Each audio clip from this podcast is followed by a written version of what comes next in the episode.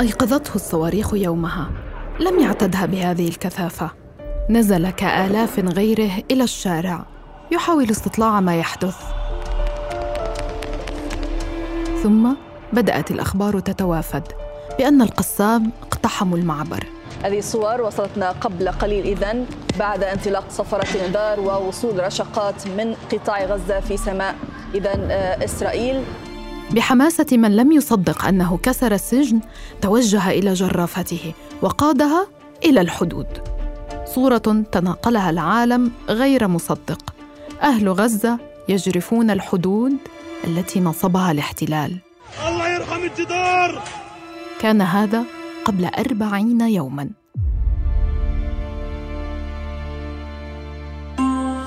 بعد أمس من أثير الجزيرة أنا روعة أوجي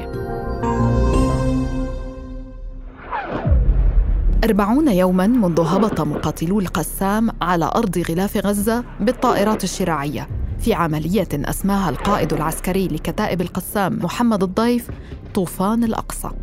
فقد قررنا أن نضع حدا لكل ذلك بعون الله ليفهم العدو أنه قد انتهى الوقت الذي يعربد فيه دون محاسب فإننا نعلن بدء عملية طوفان الأقصى. عملية أربكت العالم وغيرت المعادلة على جميع الأصعدة. فأين نقف اليوم عسكريا وإنسانيا وسياسيا؟ بيجي يستقوى على المدنيين في منطقة آمنة منطقة منطقة سكنية أكثر اكتظاظا في العالم أكثر مكان اكتظاظا في العالم؟ مش قادر على الشباب اللي بتخبط على وجههم تخطف جنود انجن! انجن وانهبل وهستر نبدأ من الجانب العسكري. فالمعركة هي التي تحرك المشهد رغم سقوط آلاف الشهداء. ما الذي حققته إسرائيل عسكريا حتى الآن من كل المجازر التي تبث مباشرة على الهواء؟ وما هي إمكانيات المقاومة؟ واصف عريقات المحلل العسكري أهلا بك. ما الذي حققته إسرائيل عسكريا حتى الآن؟ يعني باختصار هي لم تحقق شيء حتى الآن. نتنياهو يخوض خمس جبهات. الجبهة الأولى العسكرية وهو هزم فيها والجيش الإسرائيلي حتى الآن لم يحقق أي شيء. آه، جبهته في الداخلية هناك هناك من يطالب بالاستقالة من من الإسرائيليين لأنه بدهم أبنائهم. بالمناسبة المقاومة الفلسطينية لديها جنرالات كبار. هم قادة فرقة قادة فرقة غزة وهي أكبر إهانة للجيش الإسرائيلي. وهناك الجبهة الثالثة وهي الخلافات الداخلية بين نتنياهو وقيادات الجيش والأجهزة الأمنية والاستخبارية. والجبهة الرابعة جبهة العالم. العالم الكل مئات الآلاف من نشطت ضمائرهم وتحركت ضمائرهم الآن وانتصروا للحق الفلسطيني بعد أن تم تضليلهم. والجبهة الأخيرة والأهم هي الجبهة الداخلية الإسرائيلية. اليوم هناك استطلاعات رأي 76% من الجبهة الداخلية الإسرائيلية تطالب نتنياهو بالاستقالة لأنه غير غير مهيأ أو غير مؤهل لقيادة إسرائيل. يعني نتنياهو هو الوحيد الذي يستفيد من إطالة أمد المعركة لأنه إذا ما توقفت المعركة سيذهب في اليوم التالي إلى السجن أو إلى القبر. وهو يحاول الآن توريط الأمريكي صراحة في ظل التصريحات المتناقضة آه، في اختلاف الرؤية للمعركة البرية بين الأمريكيين والإسرائيليين أين يقف الدعم العسكري الخارجي آه، لإسرائيل اليوم؟ لا الدعم لن يتوقف. لا يستطيع لا الأمريكي ولا الأوروبي لأنه هاي إسرائيل قاعدة متقدمة لهم. ولكن الخلاف الخلاف آه، بأن الأمريكي بايدن حينما وصل إلى إسرائيل والتقى مع نتنياهو كان لديه معلومات حقيقية من البنتاغون ومن السي آي اي تقول بأن هذا الجيش الذي هزم يوم 17 يعني من الصعب ترميم قوته الردعية ومن الصعب الاعتماد عليه أن يكون رأس حرب في المنطقة. فلذلك فلذلك هم الذين سيقودون المعركة بجيشهم بقواتهم. ولكن 16 مركز أمني وبحثي آه، استراتيجي في الولايات المتحدة الأمريكية. يعني يقولون لبايدن إذا الكيان الصهيوني والجيش الذي لا يقهر قهر وهو في المنطقة. فكيف سيقاتل الأمريكي الذي سيأتي من الولايات المتحدة الأمريكية على منطقة هزم فيها أكثر من مرة؟ في إعلان عملية الطوفان دعا محمد الضيف حركات المقاومة في المنطقة لإسنادهم. يا إخواننا في المقاومة الإسلامية في لبنان وإيران واليمن والعراق وسوريا هذا هو اليوم الذي تلتحم فيه مقاومتكم مع أهلكم في فلسطين. ليفهم هذا المحتل الرعديد أنه قد انتهى الزمن الذي يعربد فيه. سيد عراقات أين تقف هذه الحركات الإقليمية اليوم من المعركة؟ معركة غزة ليست آه، لغزة وحدها. معركة غزة آه، هي امتداد لمحور أعلن عن نفسه. اليوم نتحدث عن 80 شهيد من المقاومة اللبنانية والفلسطينية آه، منذ 17 حتى اليوم. وهناك يعني هناك جبهة مشتعلة حقيقة. صحيح أنه قواعد الاشتباك ما زالت منضبطة بحدودها التي التي يعني نراها على الأرض. ولكن الساحات الآن مشتعلة. يعني هناك صواريخ تطلق من اليمن هناك صواريخ آه، وقذائف تطلق على القواعد الأمريكية سواء بالعراق أو بسوريا. هناك عمليات من الجولان هناك عمليات من جنوب لبنان. فبالتالي الأمور ربما تتدحرج إلى جبهات آه، متوسعة. ولكن يعني القرار يخرج من غزة من مسرح العمليات. وأقول لك بصراحة يعني المقاومة الفلسطينية حتى الآن تستطيع التصدي للعدو الإسرائيلي. طيب برأيك ما شكل المعركة في المرحلة المقبلة وكم يمكن أن تطول؟ يعني أعتقد انه آه، المقاومة الفلسطينية إذا ما واصلت آه، قدرتها على التصدي للجيش الإسرائيلي وللعدوان الإسرائيلي آه، لمدة أسبوعين قادمين أنا أعتقد أنه ستكون يعني تقصر تقصر من عمر آه، دعيني أقول الآمال الآمال عند نتنياهو وعند الأمريكان وعند حليفهم الأوروبي. أنا بتقديري الجيش الإسرائيلي عاجز عن تحقيق أي من الأهداف الأهداف التي رفعت بسقف عالي تدنت كثيرا ووصلت إلى المستوى أنهم يحاصرون مستشفيات ويحاصرون المدنيين في مآويهم. الأكيد أن هذه الحرب ستطول. هذا على الأقل ما يكرره وزير الدفاع الإسرائيلي يوآف جالنت يمكن أن تأخذ شهرا وحتى لو كان سنة ليس لدينا أي مشكلة. سنتوسع في تفاصيل المعركة البرية أكثر في حلقة الغد. لكن ماذا عن البشر الذين دفعوا ثمن هذه المعركة غالياً؟ رامي عبدو مدير المركز الأورو متوسطي لحقوق الإنسان يرصد لنا حجم الأزمة الإنسانية. بعد أربعين يوم على جريمة الإبادة الجماعية التي ترتكب في غزة نقف على أرقام مفزعة في الجانب الإنساني. لا تقتصر على عدد الضحايا الذين سقطوا بل تمتد إلى أبعد من ذلك. اليوم هناك نحو نصف مليون طفل فلسطيني في غزة تعرضوا للدمار وتعرضوا للتشريد وتعرضوا للقتل. نحو 6300 طفل قتلوا نحو 14 ألف طفل أصيبوا. ونحو 18 ألف طفل فقدوا عائلتهم أو فقدوا آبائهم ونحو 450 ألف طفل فقدوا المنزل والمأوى الذي كان يويهم. هناك أيضا مئات الآلاف من الأطفال نزحوا ولم يعودوا فيما أماكن سكناهم.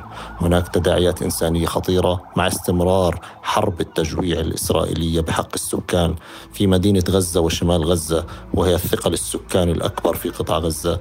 لم تدخل قطرة ماء واحدة منذ أربعين يوم بفعل الحصار الإسرائيلي المشدد.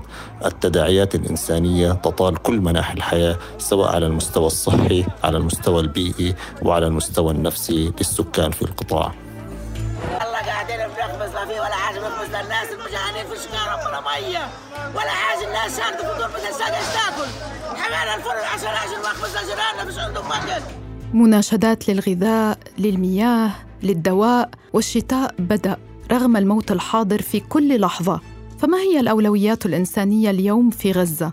لا يوجد أولوية اليوم في غزة أهم من وقف الجرائم الإسرائيلية التي تستهدف بشكل أساسي المدنيين. الاحتلال لا يقوم فقط بعمليات قتل جماعي وإنما يقوم باستهداف أسس الحياة. ليس فقط عبر قصف المخابز وخزانات المياه ومراكز التسوق ومحطات تحلية المياه بل يشمل ذلك كل مظاهر الحياة بدءا من المنزل انتهاء بالشارع وبالطريق. لذلك لا يوجد أولوية اليوم أهم من وقف العدوان. وإذا كان الحديث اليوم عن وقف إطلاق نار إنساني أو عدم القدرة على تحقيق ذلك فليس على الأقل من تحقيق ضمانات لتوقف الاحتلال عن قتل واستهداف المدنيين وأسس الحياة في غزة خسائر بشرية ثقيلة سواء من الشهداء والمفقودين تحت الأنقاض أو حتى بين الأحياء مصابين كانوا أو نازحين أو مشردين فهل تستحق المعركة كل هذا الوجع؟ إيش اللي صار يا حاج؟ إيش اللي صار؟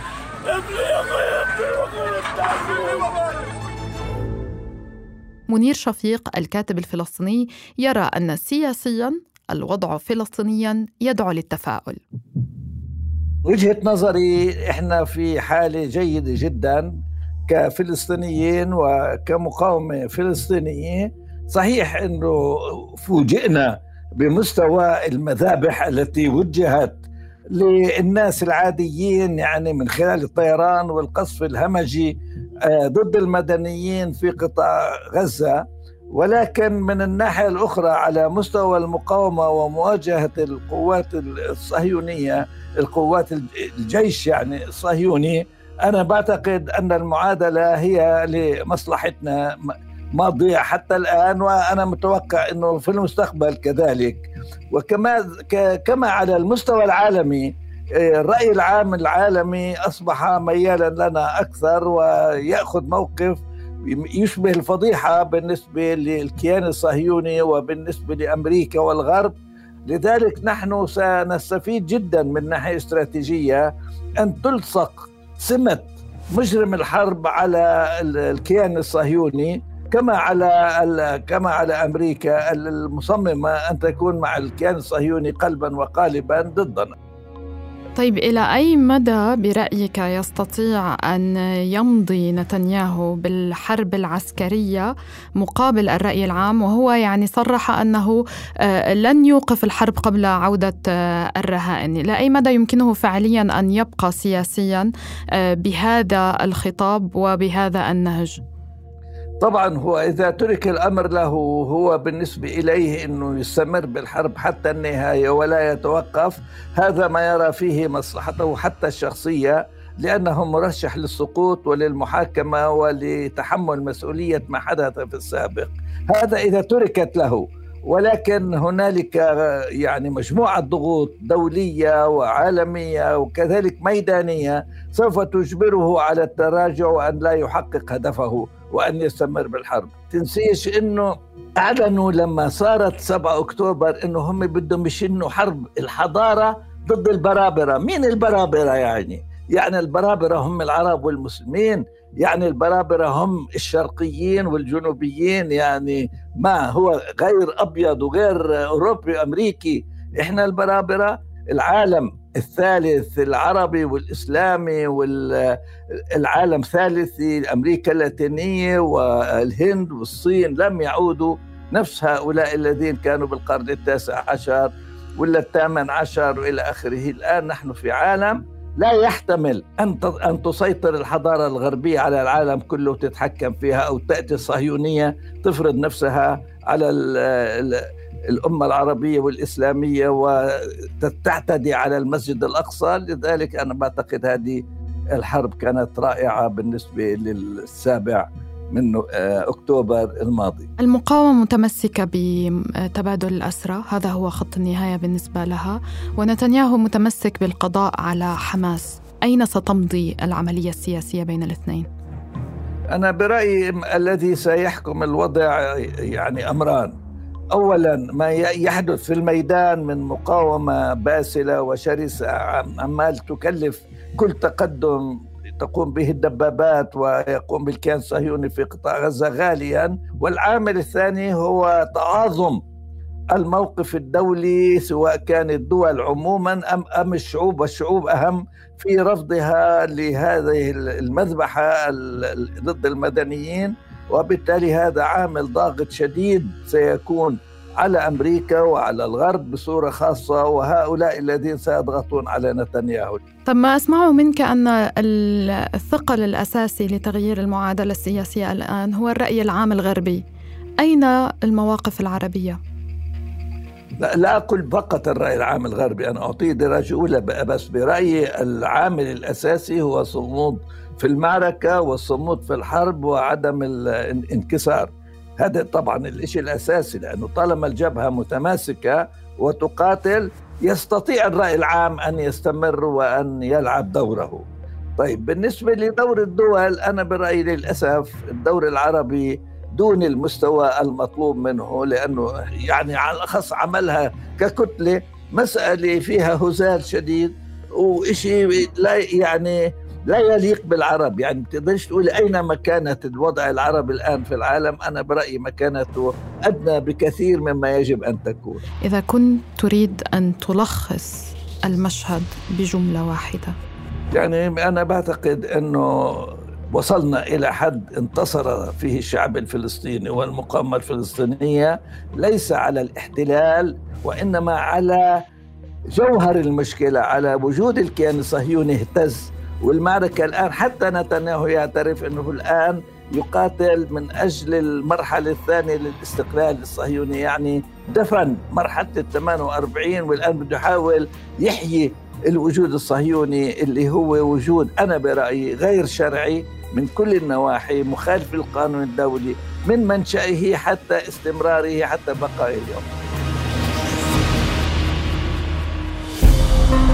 كم يمكن لأهل غزة أن يصمدوا؟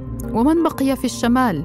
إسرائيل بتنزل العمارة على أطفال سبعين طفل وثلاثين مرة بقلبها خليها لي واحد من حماس ما هي الحدود التي ستتوقف عندها إسرائيل؟